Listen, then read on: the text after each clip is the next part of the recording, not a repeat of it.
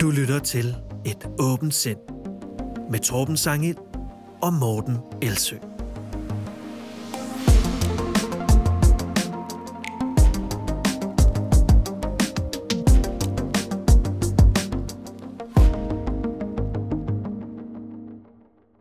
Vi er tilbage efter en pause på grund af både travlhed og juleferie, og øhm, ja, i det hele taget så må I bære lidt over med, at øh, vi ikke udkommer så tit, som nogen af jer ønsker, øh, ud fra de sociale medier at dømme. Men øh, det er altså bare sådan, at øh, vi har mere eller mindre rigtige jobs, som vi også kan passe, og øh, det er ret tidskrævende at lave den her podcast. Men nu er vi tilbage, og det er 2022, og vi er klar. Morten, hvad har du i øvrigt af forventninger til øh, 2022? Altså, det med forventninger er sådan et begreb, jeg begynder at forholde mig lidt anderledes Eller forhåbninger måske. til. Ja, men jeg, jeg prøver at have... Jeg prøver at passe på med at have forventninger, fordi jeg synes, det er opskriften på at blive skuffet. Ja, det så vi i 2021. Ja, jeg blev faktisk spurgt til noget lignende, øh, da jeg var gæst i øh, Lægens øh, Ord, med, som er Imran Rashids podcast. Og der spurgte han, det var midt 2020, tror jeg, spurgte han mig, hvad jeg sådan havde af forventninger til, hvordan vi ville forholde os til videnskaben, tror jeg, her under pandemien. Jeg var, jeg var fuld optimist. Så jeg var, det bliver, alle bliver enige om, at vi følger videnskaben, og vi, alle de der ting, som vi kan være uenige om, det? ligger vi til side. Noget i den retning. øhm, så så øh, jeg vil sige, hvis jeg, skal, hvis jeg skal komme med nogle forventninger, som jeg også tænker er lidt realistiske, så vil jeg forvente, at stort set alt fortsætter på stort set samme måde, som det plejer med ganske små øh, justeringer herunder. Formentlig også min egen adfærd. Øh, jeg håber, at corona bliver en mere hverdagsagtig ting på linje med influenza, øh, så vi simpelthen ikke længere skal betragtes som en samfundskritisk sygdom. Øh, med mindre selvfølgelig, altså der jo kommer en ny variant med værre symptomer end omikron-varianten og alt det der, ikke? Men jeg er i hvert fald virkelig træt af mundbind og nedlukning og alt det her. Ja, det er også. Øh, modsat hvad der er nogle folk, der tror, når man er sådan en, som, som vi er. Øh, altså, de har sådan en idé om, at man elsker nedlukningen, hvis ikke man tager del i sådan en, en mere eller mindre konspirationsteoretisk fortælling om, hvad der, er, der foregår. Mm. Men øh, jeg er lige så træt som en hver anden af alt det her. Ja, og det påvirker jo også, altså jeg har to små børn, og det påvirker også præcis lige så meget, som det påvirker alle andre med to øh, små børn. Så i forhold til forventninger, igen ikke forhåbninger for mit vedkommende, så forventer jeg også, at der bliver masservis af benspænd, også øh, benspænd, som jeg ikke lige er forberedt på, fordi jeg har ikke lyst til at erkende, at der slet ikke kan være så meget i kalenderen, som jeg forsøger at proppe der i. Nej, det lyder farligt, morgen. Mm-hmm. I dag der skal det handle om umulige forventninger øh, og om at flytte målstolpen i vores gennemgang af de her metoder til at afskrive videnskab. Øh, før det, der har vi nogle mere aktuelle emner om 6. januar-reaktioner, om svindleren Elizabeth Holmes, og en lille anbefaling af en savlig debat om vaccinering af børn. Og til, til sidst skal vi selvfølgelig også lege fodbold og fakta. Mm-hmm. Men allerførst, så har du et par rettelser eller tilføjelser, Morten. Ja, det, jeg tænkte meget videre, eller tænkte lidt videre over det her glidebaneargument, som vi talte om i vores øh, sidste øh, afsnit, som er lidt tid siden nu. Men som vi jo, jeg vil ikke, ved ikke, om jeg vil sige, at vi havde svært ved det, men det er i hvert fald en kompliceret størrelse, fordi nogle gange så er glidebaneargumentet sådan set rimelig logisk, eller nogle gange skal man være ret, man kan sige, puritansk, og sige, at vi skal ikke gå ud af den vej. Øhm, og det stødte jeg på i, øh, i noget lignende i en snak i min øh, yndlingspodcast, der hedder The Skeptic's Guide to the Universe, hvor især man bag øh, neurologen Steven Novella, han har nogle indsigtsfulde indslag og bemærkninger, sådan helt generelt. Selvfølgelig har hans medværter også, men især øh, han har. Øhm, sammen med en af de fire medværter, han har en, der hedder Cara Santa Maria, der talte han om, hvorfor ideen om at nægte behandling til dem, der havde fravalgt vaccination i USA, var en forfærdelig idé. Ja. Og det, altså, han er neurolog, så han er altså læge, og, og han mener jo, og, altså for det første, at det er en sand glidebane, hvis man begynder at nægte folk medicinsk behandling på baggrund af de valg, de har truffet, jamen så kan vi begynde at snakke om, hvilke andre valg har folk så truffet, som påvirker deres helbred negativt. Ryger, øh, fede mennesker og så videre, ikke? Man kan, man kan tale om rigtig mange ting. Rygning er sådan den mest oplagte. Ikke? Men er man inden for det felt, så ved man jo godt, og det er også noget af det, jeg arbejder meget med, nemlig adfærdspsykologi. Hvorfor er det, vi gør det, vi gør? Og det er jo altså ikke bare sådan noget, vi vælger. Vi vælger ikke at være usund. Vi vælger ikke at spænde ben for os selv. Rygning er en afhængighed. Øh, og rigtig mange spisevaner er i den grad også en afhængighed. Øh, ligner det i hvert fald, sådan noget som overspisning for eksempel. Så her er puritanisme altså en god ting, og, og, og en pointe, som han også havde med, det er, at læger dømmer aldrig deres patienter. Det er der formentlig nogle læger, der gør. Men i udgangspunktet, så er man som læge, så dømmer man ikke sin patient overhovedet. Man giver den samme gode behandling til alle, fuldstændig uanset hvor de kommer fra, hvem de er, og hvad de ellers har gjort i deres øh, liv. Så pointen er, at hvis først man giver køb på det her grundlæggende lægeløfte, så er det en glidebane, og derfor er det et, et gyldigt glidebaneargument, kunne man argumentere for. Det er det nemlig, fordi der så ikke kan være nogen... Altså, du bliver nødt til at sætte grænsen et sted, og der, hvor du logisk sætter den, det er der, hvor du siger, vi giver alle samme behandling. For ellers så vil du hele tiden kunne tweake det og sige, hvis vi først går ud af den her vej, så kan vi også gå ud af den her vej. Og det talte vi også om sidste gang, at der, netop glidebane, det er sådan en mere tvetydig størrelse, som, som nogle gange faktisk kan være en, en rimelig slutning. Yes. Og så er der også lige øh, en opfølgning på citatet fra sidste gang. Det var fundet i bogen Beslutningspsykologi og ikke beslutningsprocesser, som jeg kom til at, at, at sige fejlagtigt. Og øh, det synes jeg bare, det når nu jeg havde fået den øh, tilsendt, og jeg havde fået det derfra, og alligevel henvist, så kan jeg lige så godt sige den rigtige til. Og den er skrevet af Simon øh, Rasmussen, der er privatpraktiserende psykolog. Og så har han ligesom også en stor interesse i, hvordan man tænker mere effektivt, og det er det, bogen altså øh, også giver nogle, øh, nogle pointers til. Og den fejl hører vel også til i kategorien af banale fejl, det må man er sige. en kategori, jeg har opfundet i den her podcast. Øhm, lad os øh, gå videre til øh, vores anbefaling. Det er øh, en debat mellem øh, Christine Stabel Ben og Anton Pottegård om, hvorvidt det er en øh, god idé at få sine børn vaccineret, og den fandt sted online på Zetland den 5. januar. Og det er altså ikke fordi, at jeg selv skriver på Zetland, at vi anbefaler den. Det er fordi, det er et godt eksempel på en god debat, og det var faktisk din idé, Morten. øhm, ja, at tage det med her, ikke debatten i sig selv. Ja, ja. og ja, ja, ja, ja. Og jeg tænker, at øh, udover selve debatten, som var sådan en, en online-debat, hvor man kunne være publikum på, så var der også en artikel bagefter. Jeg tænker, at vi sådan skal tale lidt om, om begge dele. Øhm, hvis vi begynder med debatten, vil du sige noget om den? Jamen, jeg synes jo, øh, selve ambitionen med debatten måske øh, allerførst er super god. Og jeg synes, det er... Øh... Altså ambitionen at tage sådan en som Christine Stabel Ben og sådan en som Anton Pottegård, som begge to ligesom er villige til at diskutere, men som er ligesom øh, inden for sådan en normal grænse i hver sin ende af spektret, kan man sige det på den måde? Ja, altså jeg har før talt med Christine øh, Stabel på, på, på skrift, hvor hun også selv øh, sagde til mig, som jeg synes var en rigtig fin pointe, at i stedet for at se, at enten er man pro eller anti hvor dem, der ser sig selv som pro eller undskyld, dem, der er pro ikke ser sig selv som det, men i hendes optik, og det vil jeg sådan set give hende ret i, der er der nogen, der er så pro-vaccine, at de helt vil fornægte, at der overhovedet nærmest findes alvorlige bivirkninger nogensinde. Og så er der det, som der er mere tale om, folk som er antivaccine, som aldrig vil godtage evidens for, at det virker, og laver en masse fejlslutninger og så, og så videre for, for, for at holde fast i deres overbevisning om det. Hvor hun sagde, at man kunne i hvert fald dele det op i fire, og i virkeligheden er det jo nok i, øh, i højere grad et spænd, men der er meget få, der befinder sig et sted der i midten, eller mere ind mod midten, hvor hun sagde, at hun ville antage, at jeg var tenderende til pro og hun var mere tenderende til den anden retning.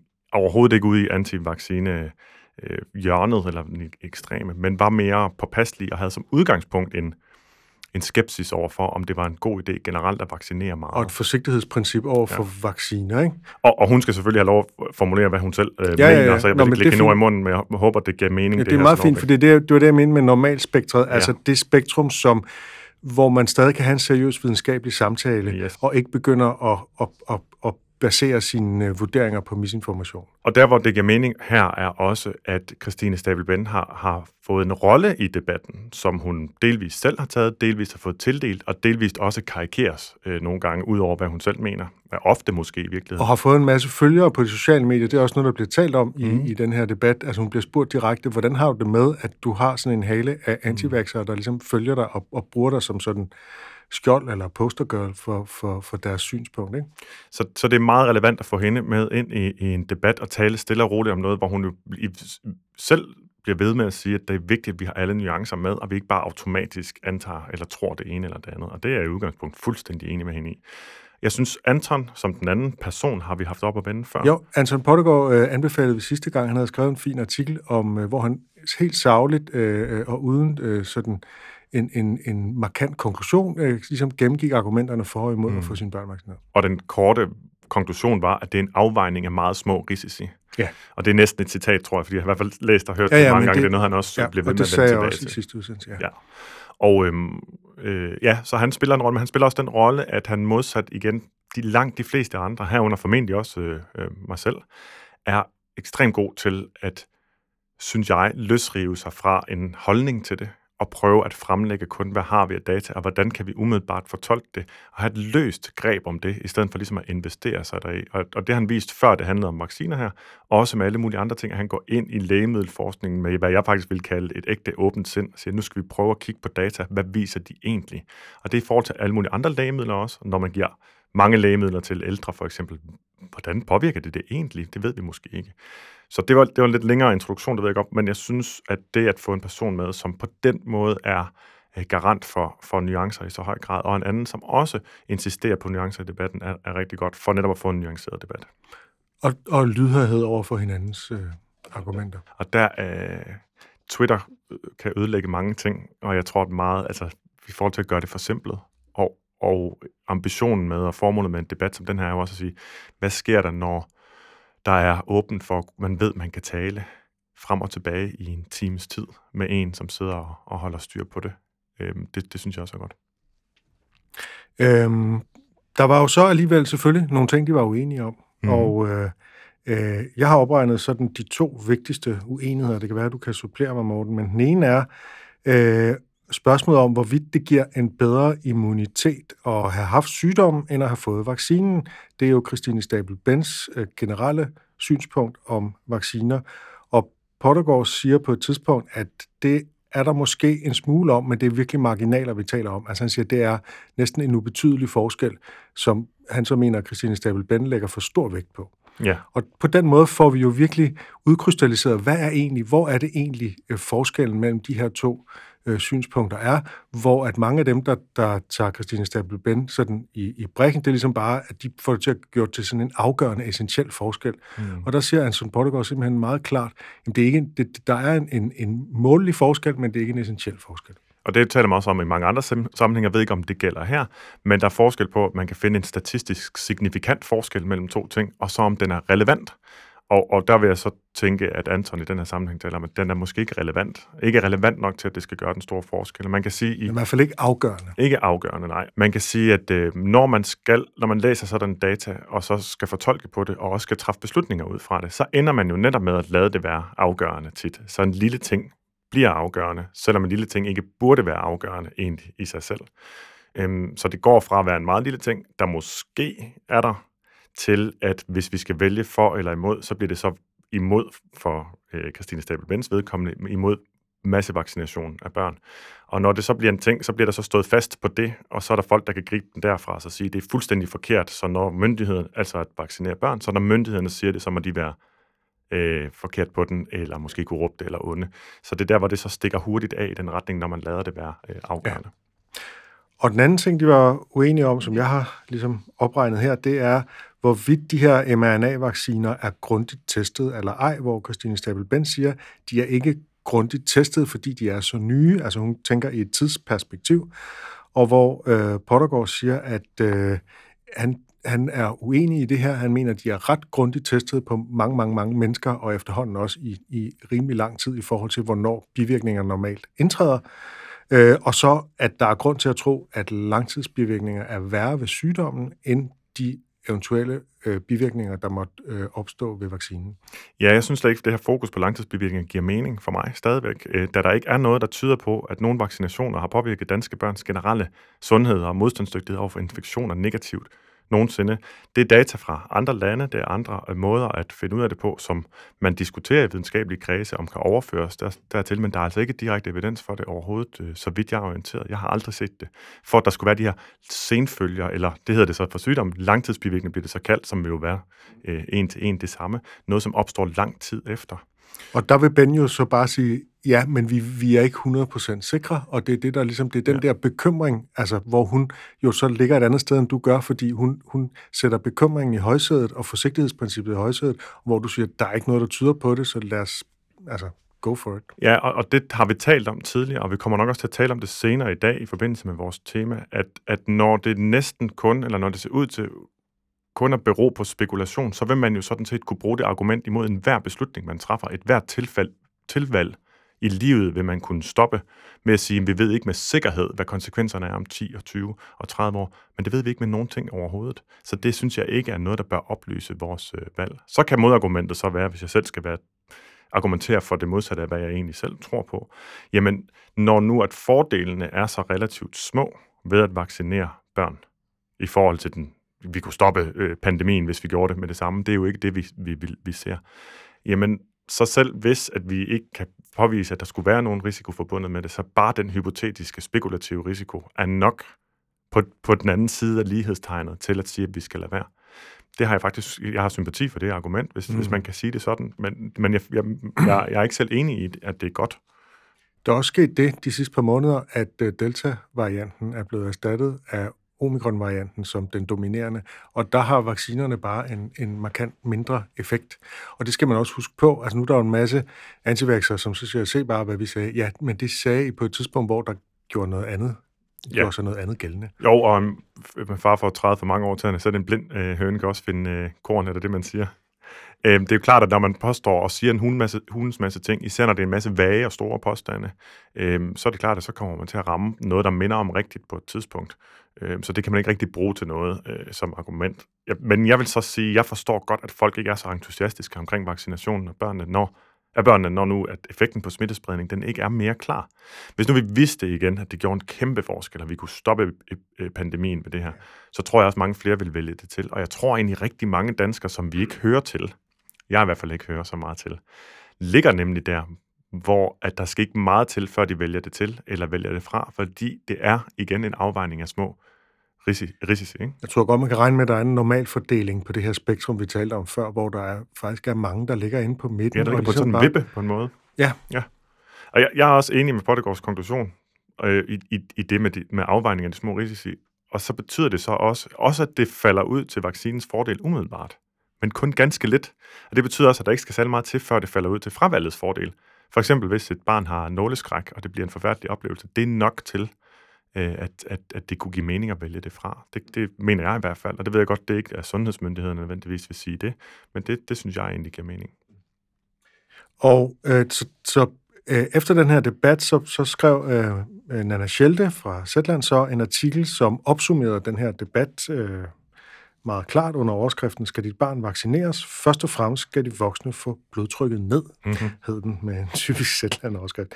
Øhm, hvor hun altså giver en, en ret god opsummering af de her pointer, men ikke nok med det, så tager hun fat i det problem, øh, som, der var, som der var en, der, der påpegede af, af, af dem, der hørte på, at øh, der var en falsk balance, et begreb, vi har været inde på før, mellem det absolut mest udbredte synspunkt blandt fagfolk, som Anton Pottergaard stod for, og så et minoritetssynspunkt, som Christine Stabel Ben stod for. Altså det er jo ikke fordi, at øh, det er en demokratisk afstemning, men, men falsk balance kan være et problem, altså ideen om, at alle synspunkter skal være lige øh, mm. repræsenteret. Ikke? Det talte vi om i den podcast, der handlede også om noget klimaskepsis, tror jeg. Ja. Øh, så derfor så ringede øh, Nana Schelte til en række andre eksperter og spurgte om, til og til deres holdning til vaccinens langtidsbivirkninger. Og de svarede så nuanceret og argumenterende, men er mest enige med, med Pottergaard i substansen.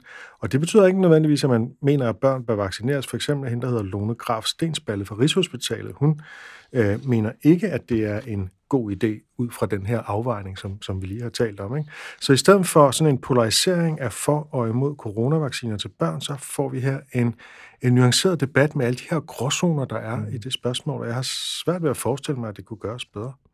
Jamen, jeg synes også, det er lige præcis det, der vi skal stræbe efter, og vi skal, blive, uh, vi skal kunne trives bedre med tvivlen. Fordi at alternativet er, at vi sætter os fast på typisk ekstreme holdninger i den ene eller den anden retning og bliver urokkelige.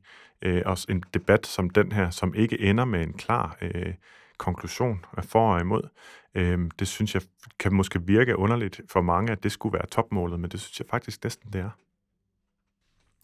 Jeg har jo besluttet ikke at vaccinere min datter. Jeg synes, det er en læge og en sygeplejerske, der skal gøre det. Det er sjovt, jeg var lige ved at bryde ind og, og sige det, synes jeg. Men jeg tænkte, at det kunne være, det var det, der var din joke. Det er en, gammel, øh, det er en opskrivning af en gammel Mikkel Rask joke. Okay. Øhm, vi linker til både videodebatten og artiklen i show notes.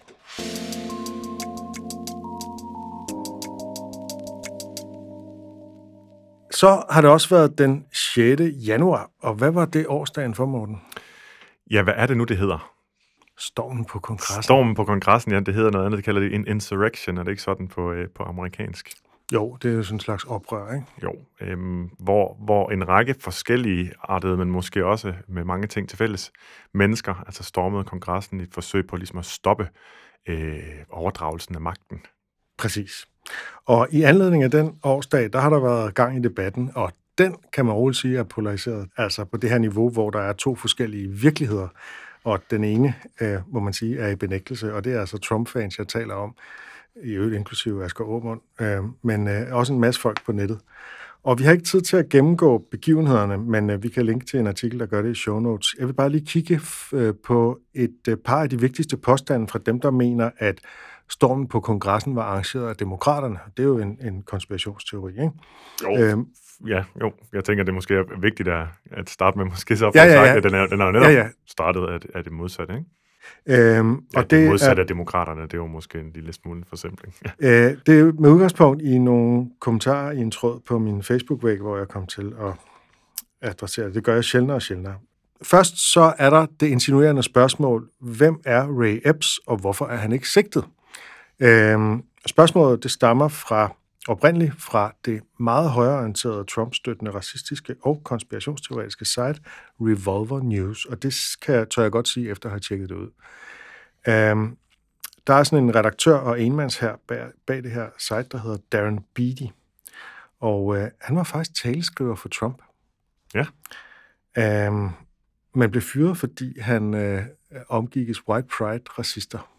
Uh, så selv for, for uh, for Trump-regeringen var han øh, for ekstrem.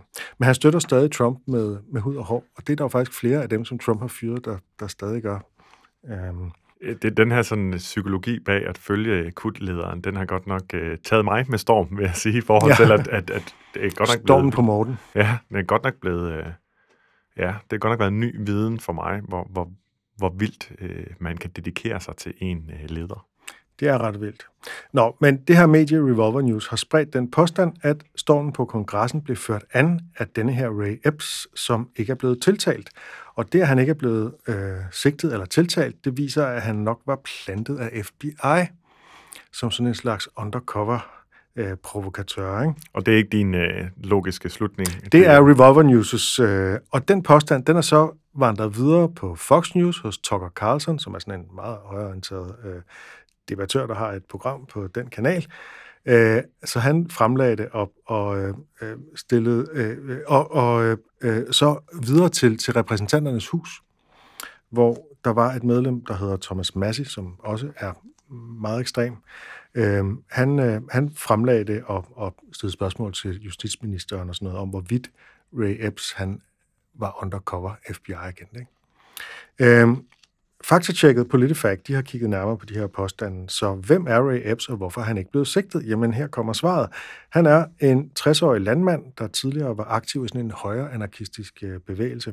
Og grunden til, at der er fokus på ham, det er, at der cirkulerer sådan nogle videoklip med ham, hvor han er meget ivrig efter at gå til Capitol, altså kongresbygningen, men også understreger, at det skal være en fredelig demonstration. Der er ingen tegn på, at han har opført sig voldelig, og der er ikke engang nogen tegn på, at han gik ind i bygningen. Så man har faktisk ikke noget på ham, andet end at han synes, at man skulle gå hen til kongresbygningen på en fredelig måde, hvilket ikke er ulovligt. Øhm, man kan så se, at han siger noget til en mand, der senere bliver arresteret, og han lægger hånden på skulderen af ham, og det bliver også sådan set som, at de her konspirationsteoretikere som et bevis for, at der er et eller andet. Altså, at det ser mistænkeligt ud og sådan noget, ikke? Øh, Ray Epps han har selv udtalt, at han var imod de her voldelige optøjer, og øh, det, som der så også bliver peget på, det er, at han på et tidspunkt figurerede som efterlyst af FBI, men det er han ikke mere, og det bliver så set som et bevis på, at, øh, at der er noget, der er helt galt. Ikke? Men der er jo en mere logisk forklaring, som er, at de måske har snakket med ham og ikke fundet grundlag for at rejse tiltale.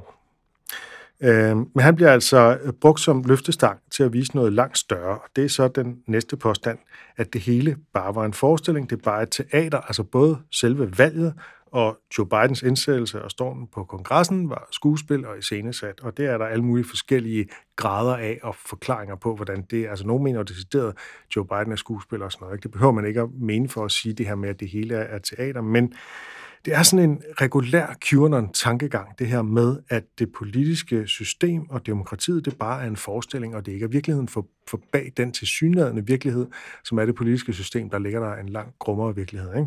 Og, og det er jo sådan en, som konspirationsteoretikere til, hver, til enhver tid er faldet tilbage på, at når man ikke har noget som helst, så kan man bare sige, at det hele er jo et skuespil. Alt det, du har set, er bare noget, der er faked. Man har snakket tit om false flag operations også i forhold til 9-11. Ja. Også senere, at der har været en, en, øh, noget, en bombe, der sprang i Boston, mener jeg, det var Ja, til med marathon der. Ja, var ja. det ikke Boston, jo, Boston, jo, Marathon? Boston Marathon? Ja, hvor der også var nogen, der siger, se de her billeder, de her to frames, kan du se, at der er et eller andet galt, så i virkeligheden er det hele bare noget, der er faked, og alt sammen er skuespillere. Og det er der, man så falder tilbage på, at vi, vi kan egentlig afvise alt med den forklaring, og derfor, derfor ved vi, at, at det ikke giver mening. Ja. Jeg har ikke talt på, hvor mange modargumenter, jeg har til den her idé om, at stormen på kongressen bare skulle være et teaterstykke. Men øh, lad mig bare nævne en. Vicepræsident Mike Pence, han godkendte valget øh, i samme stund jo. Og øh, det pissede jo virkelig Trump af, at han gjorde det, ikke?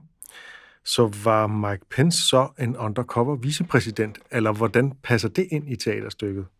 Øh, vil Trump virkelig have sådan en ved sin side, uden at opdage det, når nu han er så fantastisk? Altså, der er sådan... Eller er det måske en mere sandsynlig forklaring, at Mike Pence, han faktisk simpelthen bare repræsenterer de demokratiske spilleregler modsat Trump? Ved at anerkende det valg, der fandt sted. Ikke? Den tredje påstand, det, eller det tredje argument for, at det her skulle være demokraterne, der stod bag, er, at det, der skete, det var til demokraternes fordel. Og det var det måske nok, altså det kan være lidt svært at måle, ikke? men at noget er til nogens fordel, det er jo altså ikke det samme som, at de står bag det. Mm-hmm.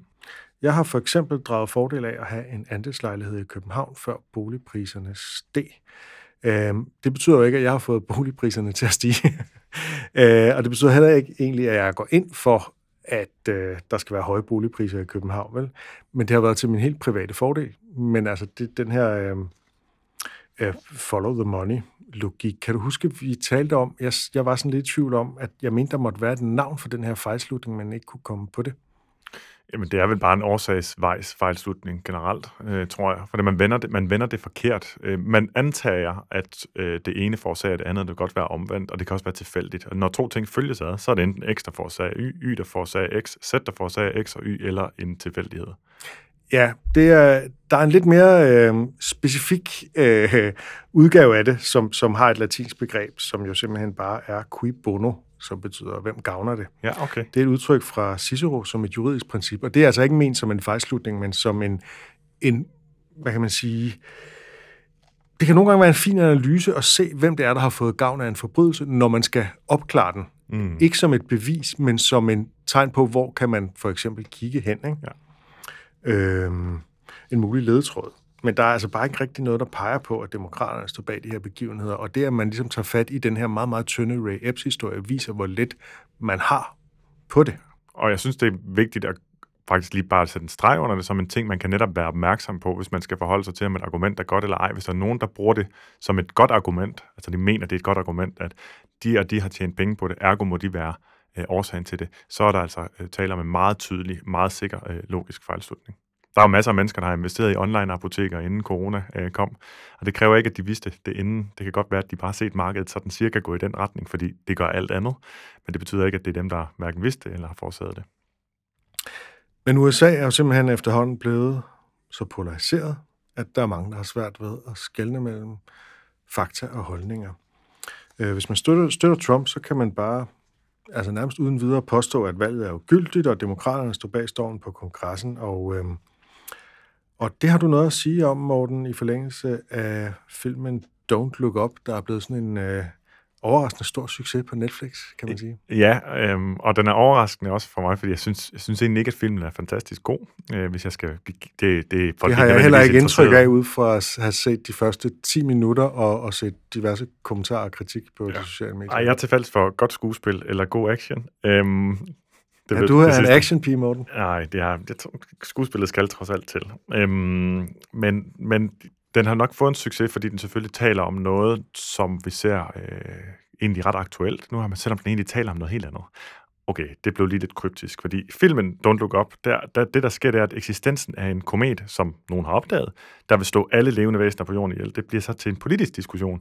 Ligesom for eksempel diskussionen om, hvorvidt klimaforandringer er reelle og problematiske og menneskeskabte. Så det er et forsøg på en analogi til klimaforandringer, altså ikke noget at gøre med den polarisering og den øh, splittelse, der har været i forhold til corona, fordi den skulle egentlig være udkommet i, i øh, ja, jeg tror, den var næsten klar i 2019, og så blev den altså udskudt øh, et stykke tid. Så der, der, jeg tror, det var på grund af øh, corona, det er faktisk i tvivl om. Det er jo interessant.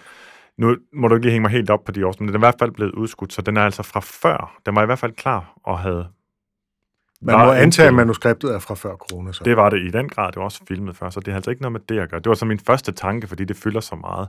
Men de har altså, blandt andre en af øh, hovedrolleindhaverne, øh, Leonardo DiCaprio, været ude at sige, at det er altså en direkte kommentar til, at vi har en katastrofe der står foran os lige nu, han er meget miljøaktivistisk. Ja, altså klimakatastrofen. Ja, præcis. Vi har den foran os lige nu, og så er det fandme blevet til en politisk ting, hvor det, man kan være for eller imod, afhængig af hvilken klan man ligesom hører til. Og det er også et form for signalering, om man er for eller imod det. Og det laver den sådan en, en satirisk kommentar til, som er en lille smule spøjs, hvis, hvis jeg skal give min fem, hvad hedder det, filmanmeldelses, eller tage min filmanmeldelsesøjne på. Men den er meget sjov. Og Tre det, stjerner fra Morten. Ja, det må jeg sige. Øh, ud af 17. Nej, af 5. Øhm, ja, og, og jeg synes, altså det med, at, at alt kan udnyttes politisk til at vinde folk over, og, og, og det med, at dem, der står med mest magt, synes mere interesseret i magten, end i, øh, om folk de har det godt, eller sågar overlever. Det har vi jo set eksempler på nu, så på den måde falder den jo ikke helt ved siden af i, i det, den øh, påtaler.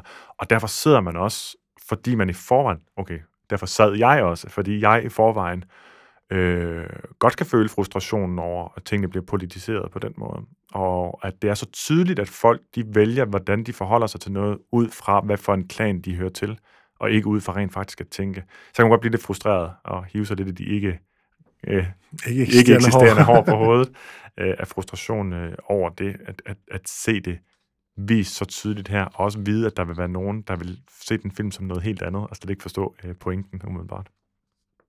Der er noget med, der er to hashtags, der viser den der polarisering. Ja, altså de siger jo, at de kan jo se det selv, så de har et hashtag, der hedder Just Look Up, og så øh, altså kig op, så kan du se, at kometen er på vej.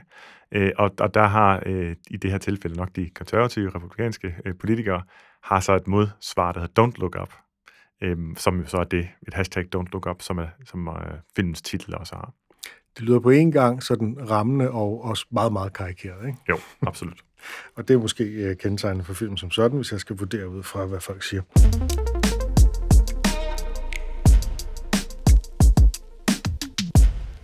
Lad os tale lidt om øh, en svindler, nemlig Elizabeth Holmes. Øh, hvad er det for noget, der er med hende, Morten? Jamen, øh, det er aktuelt, fordi hun tidligere på måneden er blevet dømt for bedrageri i en sag, der har fået ret meget opmærksomhed. Hun var øh, direktør for firmaet Theranos. Jeg har faktisk ikke tjekket, om det er så, man udtaler det sådan, jeg vil. Og jeg vil så også sige, at allerede der burde folk være lidt opmærksomme, fordi det lyder lidt som Thanos, som er superskurken i uh, Marvel Cinematic Universe. Action Morten strategien. Ja, så uh, Marvel Morten måske, uh, hvis Marvel det skulle Morten, være. Ja, det, um, det gør bogstavrim som regel. Og um, der, øh, ja, men, men det her firma, den her virksomhed, påstod altså at have revolutioneret diagnostik, sygdomsdiagnostik via blodprøver, som man kunne teste for at diagnostisere øh, flere hundrede, måske endda tusind ting, ud fra kun få dråber blod, hvor man ikke engang krævede en kanyle, men, men bare sådan en lille prik, ligesom folk, der har fået taget blodprøver, for, undskyld, blodsukkermålinger fra fingerspidserne er vant til.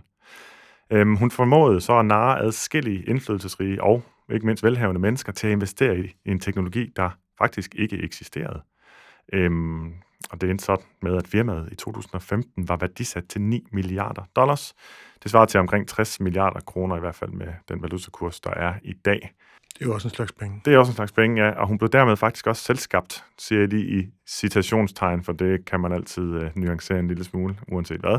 Selskabt milliardær, inden hun fyldte 30 år, lå kortvarigt øverst på Forbes liste over de rigeste amerikanske kvinder. I 2016 havde hun 0 kroner fordi at der, de så fandt ud af, at der var blevet svindet. Det var faktisk whistleblowers øh, fra inde i virksomheden, der ikke ville være med til at fortsætte den løgn om, at de havde en teknologi, der ikke fandtes, øh, og at de havde en omsætning og produkter, som, som simpelthen ikke fandtes også.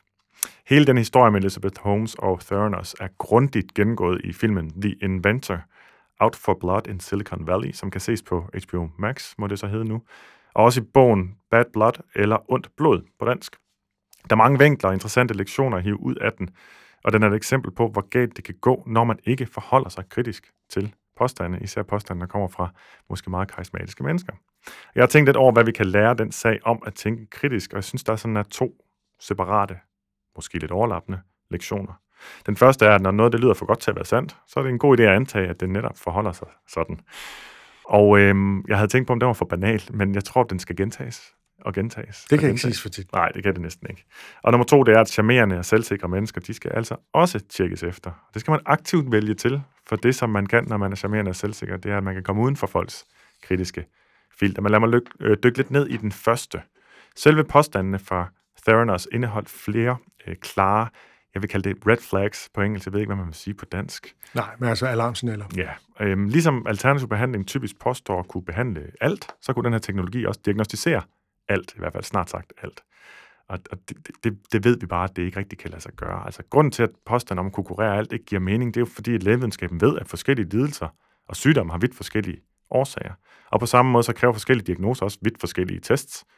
Og typisk skal man bruge en del blod til at føre, øh, lave en masse forskellige tests. Og selv hvis der fandtes markør for alle ting, som kunne findes i blodet, så ville det være svært at finde dem alle med den samme test. Jamen, hvis, hvis det er rigtigt, hvorfor var der så ikke nogen læger, der råbte op? Det var der også. Nå, Der var jo ikke nogen af dem her, der var investorer. det var bare fordi, du sagde, at det var whistleblowers fra inden fra virksomheden. Men, men hvis nu jeg bare var en almindelig engelsk læge, så ville jeg da råbe op. Det var kemikere. Så vidt jeg øh, har læst mig til, så er det to kemikere, der første gang øh, gik ud og, og, og sagde, hvad der er vigtigt, hvor, hvor langt de i virkeligheden var, og dermed overhovedet ikke langt nok til de påstande, øh, der stod i, øh, i de forskellige artikler, hun udtalte sig til. Nå, men det ville under alle omstændigheder have krævet helt vildt meget forskning, hvis man skulle have opfundet det her produkt, eller en helt ny banebrydende teknologi. Men sådan en opstår heller ikke i et vakuum. Den bygger ovenpå anden forskning, som man ligesom kan følge. Øh, og når det handler om påstande om produkter, der skulle kunne noget andet ikke kan, og som du lige finder som en, og som du ikke, altså ikke finder som en integreret del af sundhedsvæsenet eller i myndighedens officielle anbefalinger, så stil altid spørgsmålet, hvordan virker det her helt præcist? Eller som Carl Sagan sagde, ekstraordinære påstande kræver ekstraordinær evidens. Et apparat, der påstår sig kun noget ekstraordinært, det må også kunne vise det klart og tydeligt i eksperimenter, der overbeviser andre eksperter. Og det var altså ikke tilfældet her. Jeg har et andet eksempel, som øh, ikke måske er 60 milliarder dollars øh, øh, i svindelværdi værd, skulle jeg til at sige, øh, men det har været vist i danske medier. Det er Lene Hansons øh, apparat til at måle næringsstofmangel på et par udtrukne hår. Altså hår, man hiver ud af hovedet. Øhm, og det kan man se i tv-udsendelsen Familien fra Bryggen, hvor Linse Kessler og veninden Ditte øh, får at vide, hvad de skal spise mere af og undgå baseret på maskinens målinger. Men den her maskine, den måler ingenting. Den skulle efter sine måle bioresonans fra øh, DNA og epigenetik og så videre inden altså en masse videnskabeligt lydende ord, ved at du bare lægger hårene ovenpå. Men skal du overhovedet analysere, hvad der er i hår, så skal de ødelægges øh, og opløses, og så skal du ligesom måle på det lige så langsomt, finde ud af, hvad, hvad er der af det, hvad er der af det, hvad er der af det. Det er altså ikke ligesom CSI, hvor man bare putter tingene ind i en maskine, og så ved du alt, hvad det består af, og hvornår det er produceret. Det, sådan er virkeligheden ikke. Og den her maskine, den måler altså formentlig ingenting overhovedet, fordi bioresonans, det findes slet ikke. Og så hvis den kunne måle stoffer i hår, så vil man ikke kunne lave en næringsstofprofil på baggrund af det. Du måske kunne finde ud af, om nogen var blevet tungmetalforgiftet i løbet af de sidste par måneder, men, men ellers ikke øh, så meget. Den er jo et fantastisk eksempel på, på pseudovidenskab, som jeg forestiller mig, der også har været masser af omkring øh, Theranos øh, produkt og den maskine Edison, som de kaldte den. Øh, og man kan se det, hvis man går ind på cell-wellbeing.com. Det er en side, der altså sælger det her, den her håranalyse-maskine. Øh, og den er plastret til med videnskabelig jargon og tekniske termer og stokfotos fra laboratorier. Det er sådan overvidenskabeligt, det der er derinde, så man bare sådan bliver blæst bagover og tænker, puha, det er nogle seje fagfolk. Og alle dem, der er med i bestyrelse og advisory board, har, har kitler på. Men de fleste er alternative behandlere, og der har man altså ikke øh, kittel på. Nå, den anden lektion handler om mennesker. Og øh, det er noget, som vi også talte om, Torben. De bedste svindlere er de mest overbevisende mennesker. Øh, de vil ikke øh, kunne svindle, hvis ikke vi anså dem for troværdige. Måske også krydder lidt med håbet om at tjene kassen, der kan gøre os ukritiske nok til også at ja, købe lotto-kuponer. Det vidner lidt om, at hvis først vi håber nok, så står vi den kritiske sans fra. Jeg tror i hvert fald, det har været en blanding af de to ting, der gjorde det muligt for Stein Bakker at svinde for 800 millioner kroner, hvilket altså er en meget lille brøkdel af 60 milliarder kroner. Mm-hmm. Nå, men likability, altså at man virkelig kan lide en, eller er sådan en, som folk kan lide, det kan altså udnyttes. Og du kan ikke regne med, at folk de taler sandt, fordi de virker søde, eller selvsikre, eller kompetente, eller, Eller karismatiske. Især, Karismatiske, Især netop. karisma tror jeg, man skal være på vagt over for på en eller anden måde. Ikke? Ja, præcis. Øhm, og, og man bliver nødt til at stille krav til folks øh, påstande, altså til, de underbygger uanset hvad man synes, for ellers så er man påvirket af sine følelser. Det bliver man nødt til, i hvert fald hvis man ikke vil snydes. Okay, sagen viser, synes jeg, at alle kan som vi også var inde på, altså mennesker, som normalt har været i stand til at tænke kritisk nok med deres øh, midler til at kunne få dem til at vokse. Jeg ved ikke, hvor meget det i virkeligheden kræver, når først man har penge, masser af penge på hænderne, men lad os lade det, øh, ja, lad os lade det ligge. Det gælder så også dig, Torben, det gælder mig, og det gælder lytteren, alle kan. Så forhold dig aldrig ukritisk til noget, der er af betydning. Hvis det har at gøre med din sundhed, eller dine hårdt tjente penge, så lad være med at lade din beslutning bero på din mavefornemmelse og din umiddelbare vurdering af, om en person er, er likable. Og det er jo lettere sagt end gjort, kan man Absolut. Der er skrevet vildt mange artikler om den her sag, men jeg nøjes med at smide et link til artiklen af Steven Novella i øvrigt fra førnævnte podcast. Den er tilbage fra 2016. Der er skrevet en masse sidenhen, men jeg synes, at det her, hvor pointerne vedrørende kritisk tænkning egentlig står øh, klarest. Jeg kommer bare sådan i tanker to andre eksempler på sådan nogle karismatiske, ja faktisk kvinder, men det er jo, øh, det er jo meget tit øh, mænd, der er svindere, så det er lidt tilfældigt, det er kvinder, men altså Milena Penkova, ikke, som jo øh, øh, fuskede på forskellige måder, som jo, øh, og nu er der jo nogen, der vil sige, at hun er blevet frifundet. Hun blev dømt for dokumentfalsk i byretten, og så er hun teknisk set frifundet for groft dokumentfalsk i landsretten, men dommerne var enige om, at hun havde bedrevet dokumentfalsk. Det er lidt snørklet rent juridisk. Det var nogle tekniske grunde til, at hun ikke kunne dømmes for, for dokumentfalsk i landsretten. Alle er enige om, at hun har bedrevet dokumentfalsk. Øhm. Og det andet eksempel er øh, en podcast, som nogen måske har hørt, der hedder The Missing Crypto Queen, som er en BBC-podcast om hende, der hedder Ruja Ignatova. Øh, hun har tjent, hun er bulgar, der har tjent milliarder på en scam om en kryptovaluta, der ikke eksisterer for alvor i virkeligheden. Hmm øh, som ikke har en blockchain, som man ligesom skal have for at være en ægte kryptovaluta, som lokkede 10.000 af mennesker til simpelthen at investere deres formuer i øh, en ja, værdiløs øh, valuta. Den kan jeg virkelig anbefale at høre. Øh, de er simpelthen også på jagt efter hende. Hvor er hun? Hun har gemt sig, hun er efterlyst af Interpol og alt muligt andet. Øhm, så i alle de her tilfælde er der den her evne til at, at, at fremstå både troværdig og charmerende på en mm. gang. Ikke? Ja.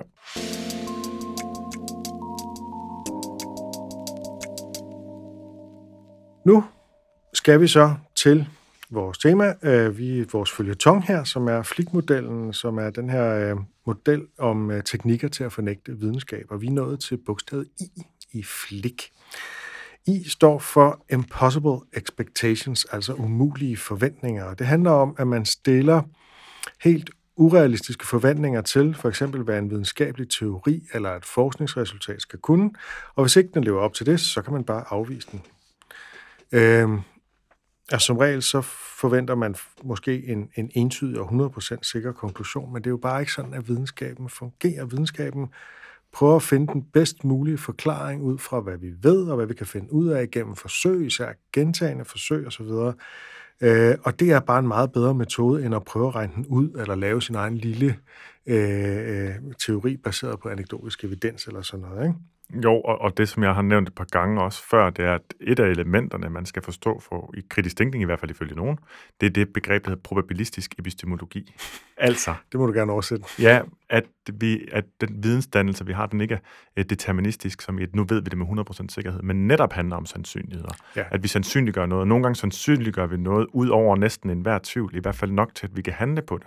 Og hvis man så mener, at det skal sandsynliggøres yderligere end det, så er det også et forsøg på ikke at handle på noget, som vi egentlig ved godt er sandt. Og i modsætning til for eksempel alternativ behandling eller religiøse dogmer, så er videnskaben meget åben om sin egen usikkerhed, og videnskabelige artikler, de er sådan mere knudrede og forbeholdende, end de fleste måske er klar over, netop fordi, at øh, de kun læser den her journalistisk strammede version gennem medierne. Ikke?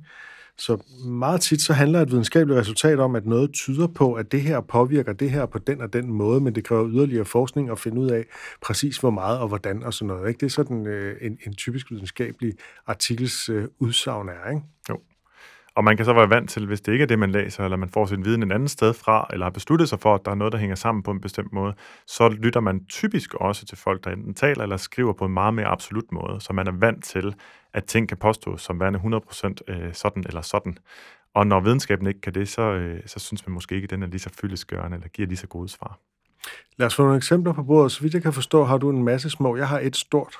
Jamen, øh, umulige forventninger er jo den første og fremmest det forventning om, at vi skal vide noget med 100% øh, sikkerhed. Eksempel fra, fra klimadebatten kunne være, og det ved jeg ikke, om, om det var den, du ville tage, Nej.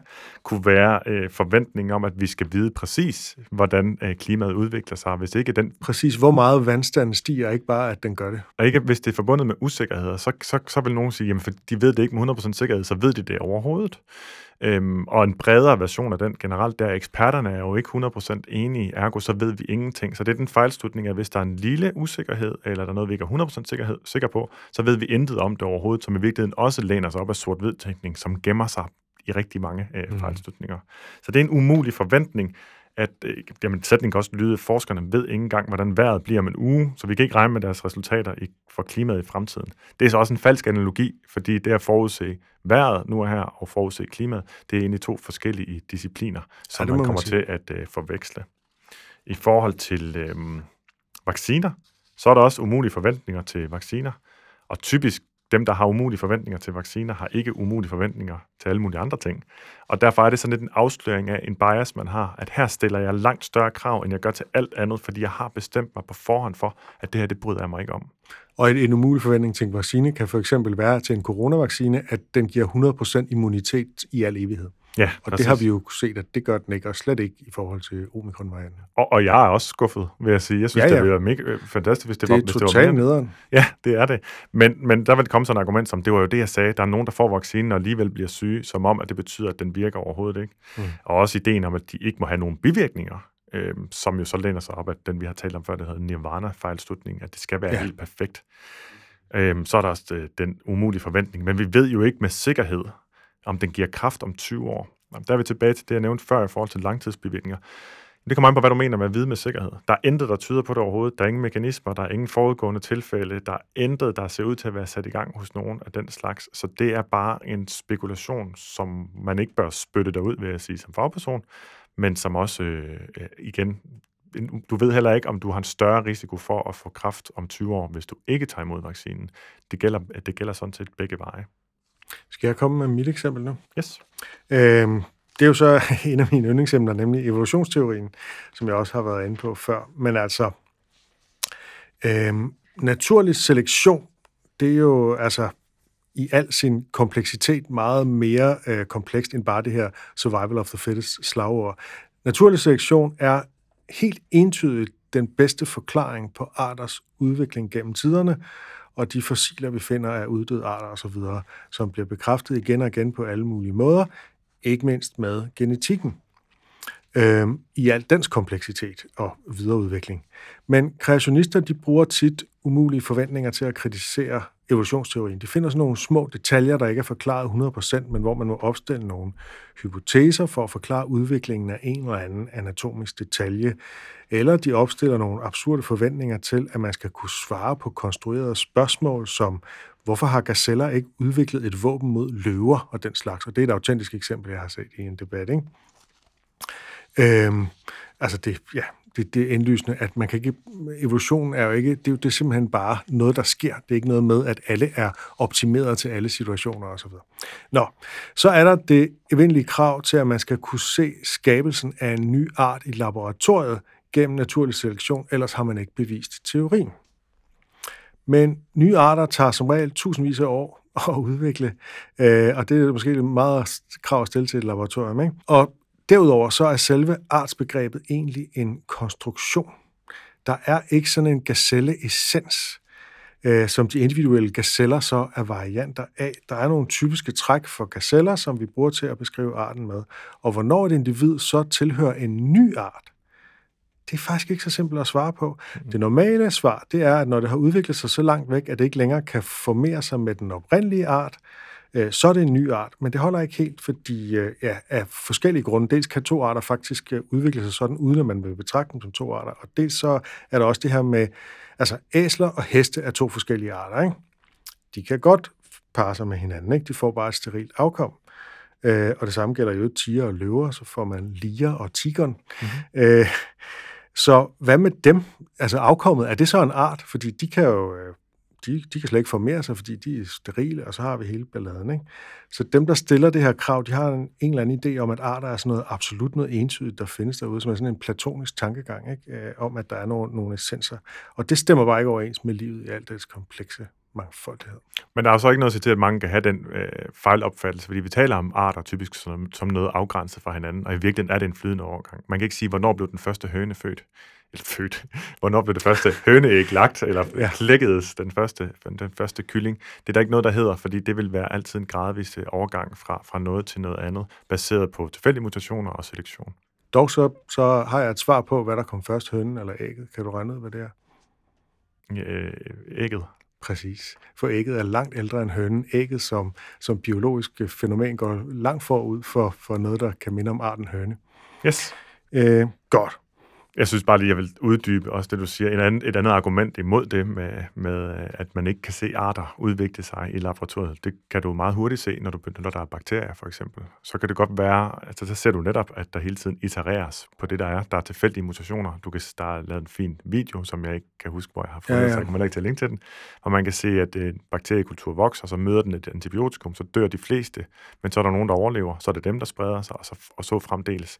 Og der vil altså lige så langsomt øh, fremelske elskes øh, forskellige arter frem for andre også udvikles. Og artsbegrebet inden for bakterier er bare sådan virkelig kompliceret, men det, og det, de har et eller andet svar, kreationisterne, på, når man, når man nævner det her med bakterier i laboratoriet. Jeg har glemt, hvad svaret er lige nu, men du har fuldstændig ret i, at man kan jo gøre alt muligt på den måde, ikke? Og, og fremtvinge øh, nye, øh, øh, genetisk øh, nye, noget der kunne kaldes nye arter. Ikke? Jeg har set en video fra en kreationist, der siger, se her, jeg har ladet det her glas peanut butter stå på bordet i en måned, og der er slet ikke opstået liv dernede. øhm, og så ved, der ved jeg ikke helt, hvor jeg skal starte. Nej, men, øh, oh, don't get me started med de der videoer. Yes. Pointen er, altså, at man opstiller nogle umulige krav, der bygger på nogle forkerte præmisser, og så sætter man hænderne op til ørerne, når man får at vide, at det er forkert stillet op.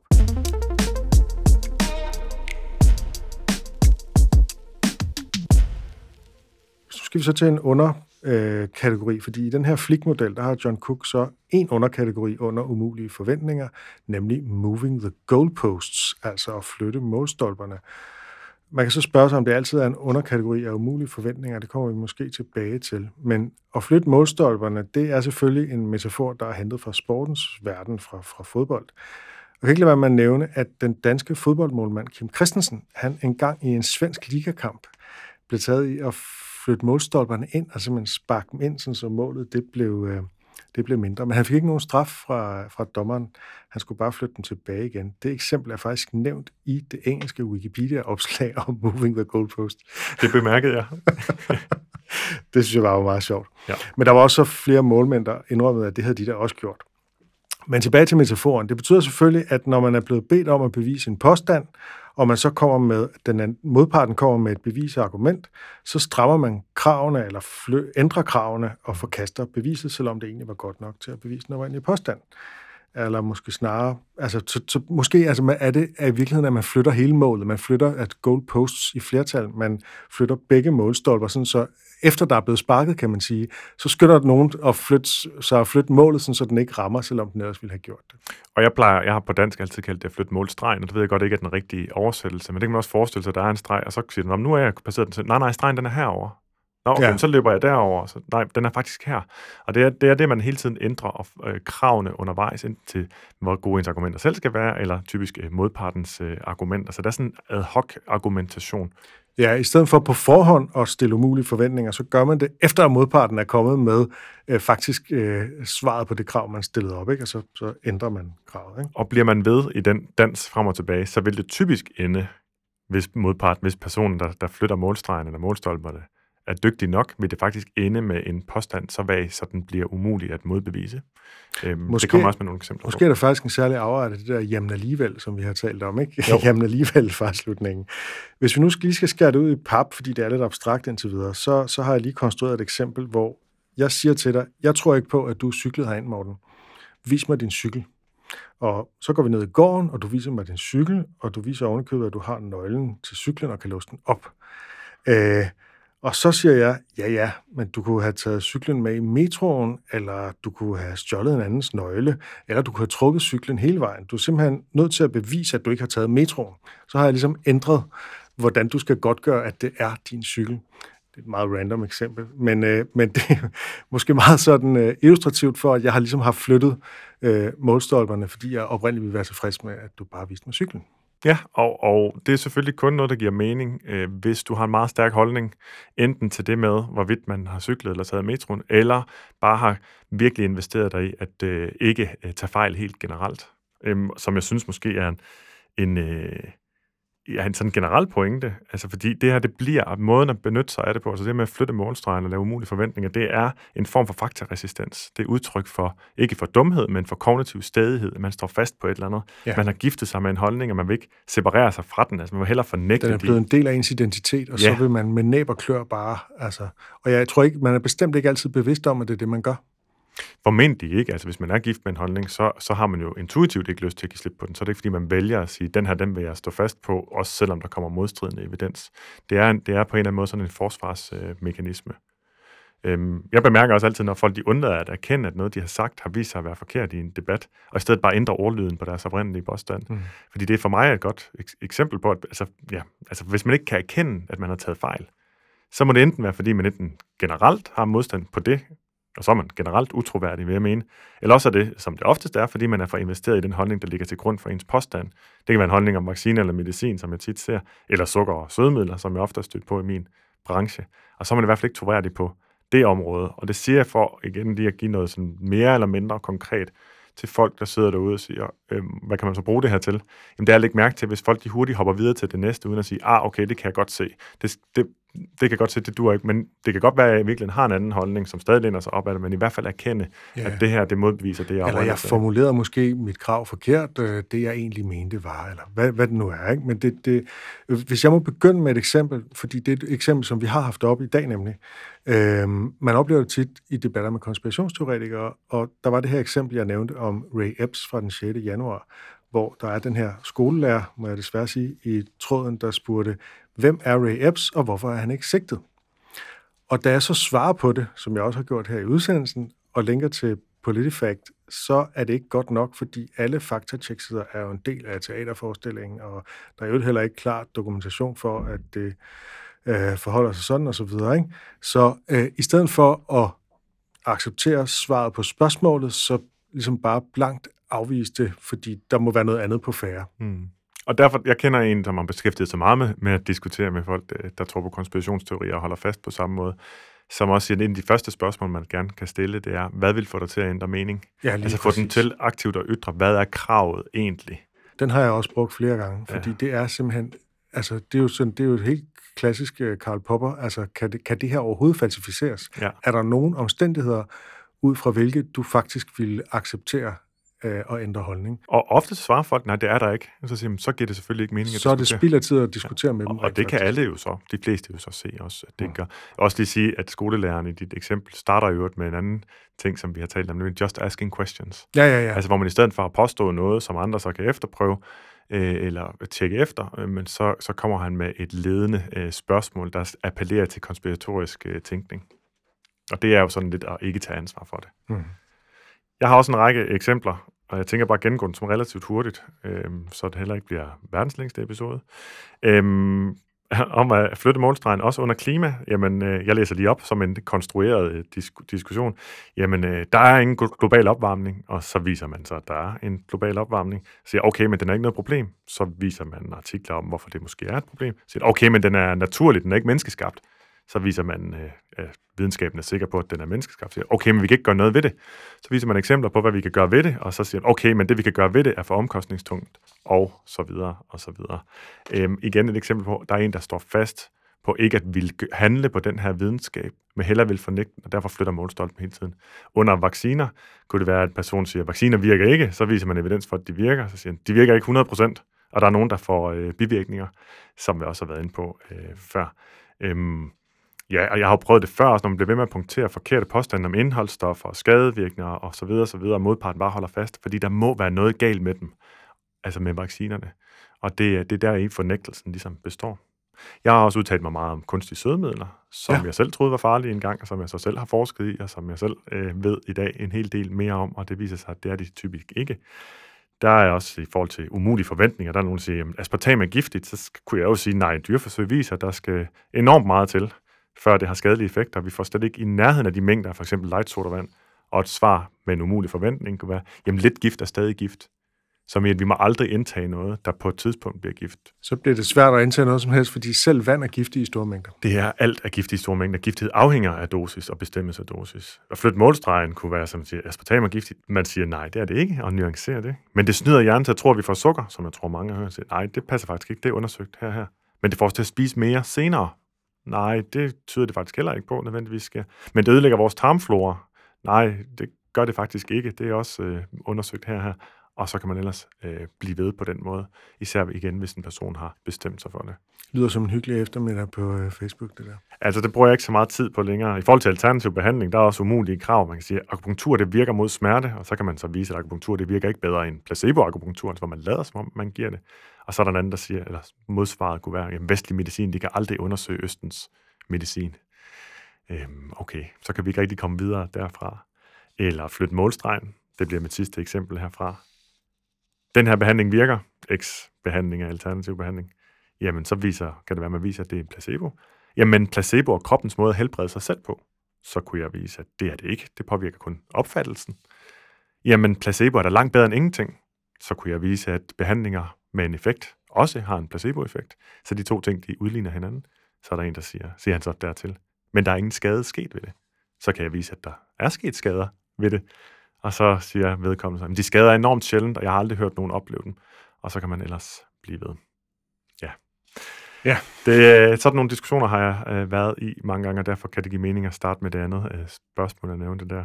Hvis man endelig vil. Hvad, det. hvad skulle få dig til at ændre mening? Det hvis... er altid et godt spørgsmål, når nogen de begynder på at hele tiden at tale udenom. Fordi alt det her er jo egentlig varianter af at tale udenom. Det er det nemlig. Det, øh, og det blandes typisk også sammen med andre former for at tale udenom, som vi var inde på, nemlig stråmænd og personangreb og whataboutery og skifte emne, bare sådan helt generelt. Øhm, så så det, det, hvis man ikke deltager i debatter, så kan man i hvert fald se det her som et tegn på, at der er en, der ikke er troværdig, fordi de vil hellere stå fast på den op, deres opfattelse, end at ændre den øhm, gennem den her fornægtelsesstrategi. Jeg fik lige en til med af en bekendt, som snakkede om, øh, hvad hvis man havde en diskussion om, hvorvidt Gud findes. Og der er det tit, og den skal, skal vi ikke nødvendigvis gå ind i. det bliver en lang eftermiddag. Det gør det, men jeg synes, der, der, der bragte han bare det på bane, at øh, der er jo altså det, den måde at definere Gud på, hvor Gud, hvor det egentlig bliver irrelevant, hvorvidt der er en Gud eller ej.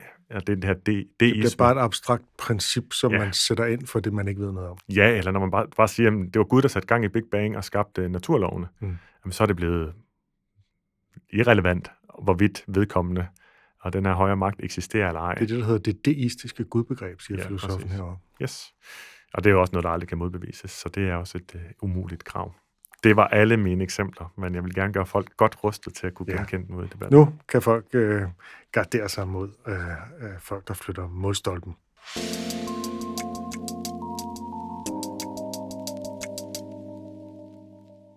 Og nu er vi så nået til, at vi skal lege fup eller fakta. Og det er dig, Morten, der har en påstand i dag. Ja, og i dag skal det hverken handle om æren eller andre dyr, Nå, eller astronomi. Mm.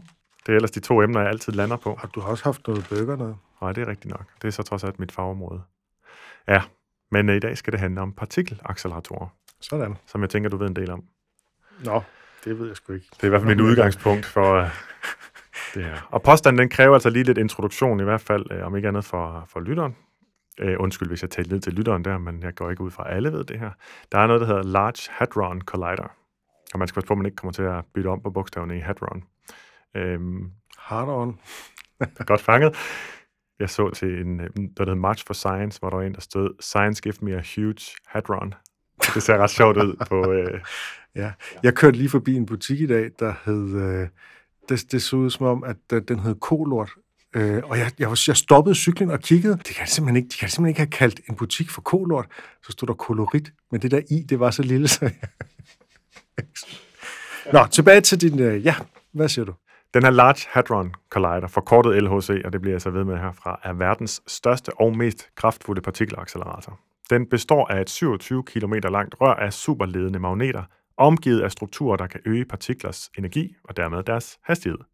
Inde i den accelerator bevæger to tynde stråler af højenergi partikler sig i hver sin retning med meget tæt ved lysets hastighed, indtil de sættes til at kollidere. Det er derfor, den hedder en collider. Den proces kræver præcision. Forestil dig, at de to stråler skal ramme hinanden. Enorm præcision, og er derfor også meget påvirkelig. Så min påstand i dag er, at når TGV-toget passerer ovenover LHC, mens den er i gang, ændrer strømmen derfra målbart på acceleratorens kørsel. Ja, den er jo sjov. Gudskelov. Jeg, øh, jeg har nok ikke helt så meget forstand på partikelacceleratorer, som du umiddelbart antager, men jeg har jo dog sådan øh, på sådan helt almindeligt øh, lægmandsniveau, så, så skæver jeg en gang imellem til, hvad det er, der bliver sagt om det. Øh, jeg går bare og venter på, at de finder på noget skældsættende, og så, så, så tager jeg det til efterretning. Men øh, jeg kan dog huske, at der er et eller andet om det der med forstyrrelser. Altså, det, det er virkelig vigtigt at undgå forstyrrelser, fordi det er, som du siger, så utroligt præcisionsbåret. Øh, og jeg kan huske, at der var en eller anden historie ude om, at et eller andet ligegyldigt forstyrrede noget, men at det ikke var rigtigt, og om det så lige var det der TGV-tog. Øhm, øh, og jeg er også i tvivl om, om det faktisk var en and, eller om det var rigtigt, så jeg er egentlig ikke rigtig hjulpet af noget som helst her. Øhm, sund fornuft siger mig, at det ville man på en eller anden måde have tænkt på. Altså det, det er på en eller anden måde så afgørende, at øh, det, mm, det burde man simpelthen have tænkt på. Øhm, på den anden side, så sker der indimellem ting, hvor man tænker, hold da kæft, hvorfor tænkte de ikke på det? Og det er jo også noget, man kan altså, formentlig planlægge sig ud af ved at sørge for at undgå, at øh, man laver partikelforsøg, når der kører tog. Altså man kigger i togplanen. Øh, jeg tror dog bare, åh, min, min intuition, og den vil jeg gå med nu, selvom at det har vi jo plæderet for en dårlig idé, men jeg har ikke rigtig andet at klamre mig til, siger mig, at det er fup, fordi det simpelthen vil være for dumt på en eller anden måde. Øh, så jeg siger fup. Og så har du vundet. Ja! Yeah! Tillykke med det. Tak. Det var nemlig tilfældet for forgængeren til LHC, LEP, Large Electron Positron Collider. Så igen var det af de forkerte grunde, at ja. jeg gættede rigtigt. Det var nemlig sket for den for... for hver gang. Ja, og det er simpelthen på en eller jeg, har, jeg kan ikke gå ind i en teknisk forklaring, fordi jeg forstår den ikke. Øhm, men det er noget med strømmen simpelthen derfra, det tog, som er elektrisk, ja. så vidt jeg forstår, øh, gik ned og forstyrrede, og, og grunden til, at man ikke øh, lige vidste det, det var, fordi man havde mål for alle mulige forstyrrelser, men der kørte toget tilfældigvis ikke på det tidspunkt, hvor man havde mål for alle mulige forstyrrelser. Så da det så senere kørte, ja der, der kom det altså ned og forstyrret.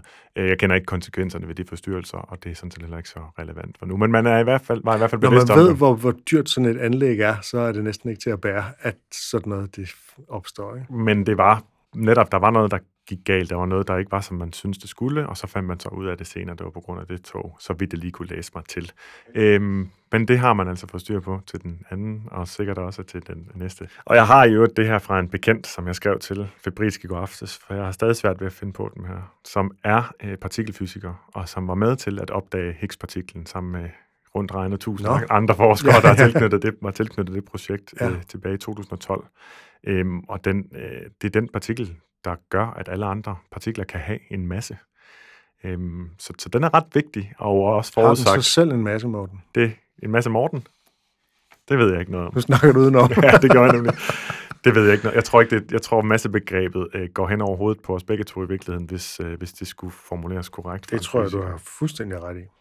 Øhm, den er jo også blevet kaldt, bare lige for at folk de ved, hvad jeg taler om, hvis ikke de har hørt Higgs-partiklen før, så er den også blevet kaldt Guds-partiklen af Leon Lederman, som er Nobelprisvinder i fysik i sin bog af samme med samme titel fra 1993. Det er selvfølgelig fået masser af kritik, for der er ikke noget guddommeligt over den. Han gad bare godt, at folk de fandt ud af, hvor vildt det ville være, og hvor vigtigt det ville være at, at finde den partikel.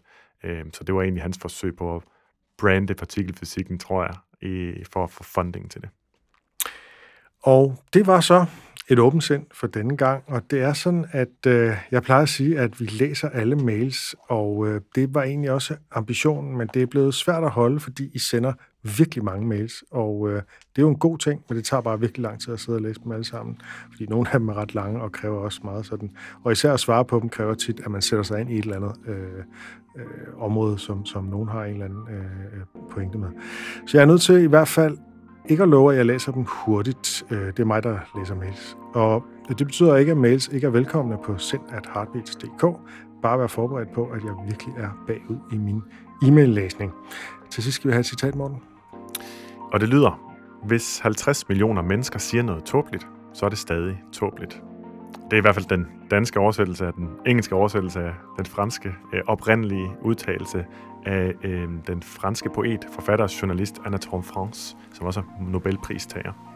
Og det er jo øh, en slags variant af den her med 50 millioner fluer kan ikke tage fejl, spise lort. Den kendte jeg ikke, men den er mindst lige så god. Tak for nu.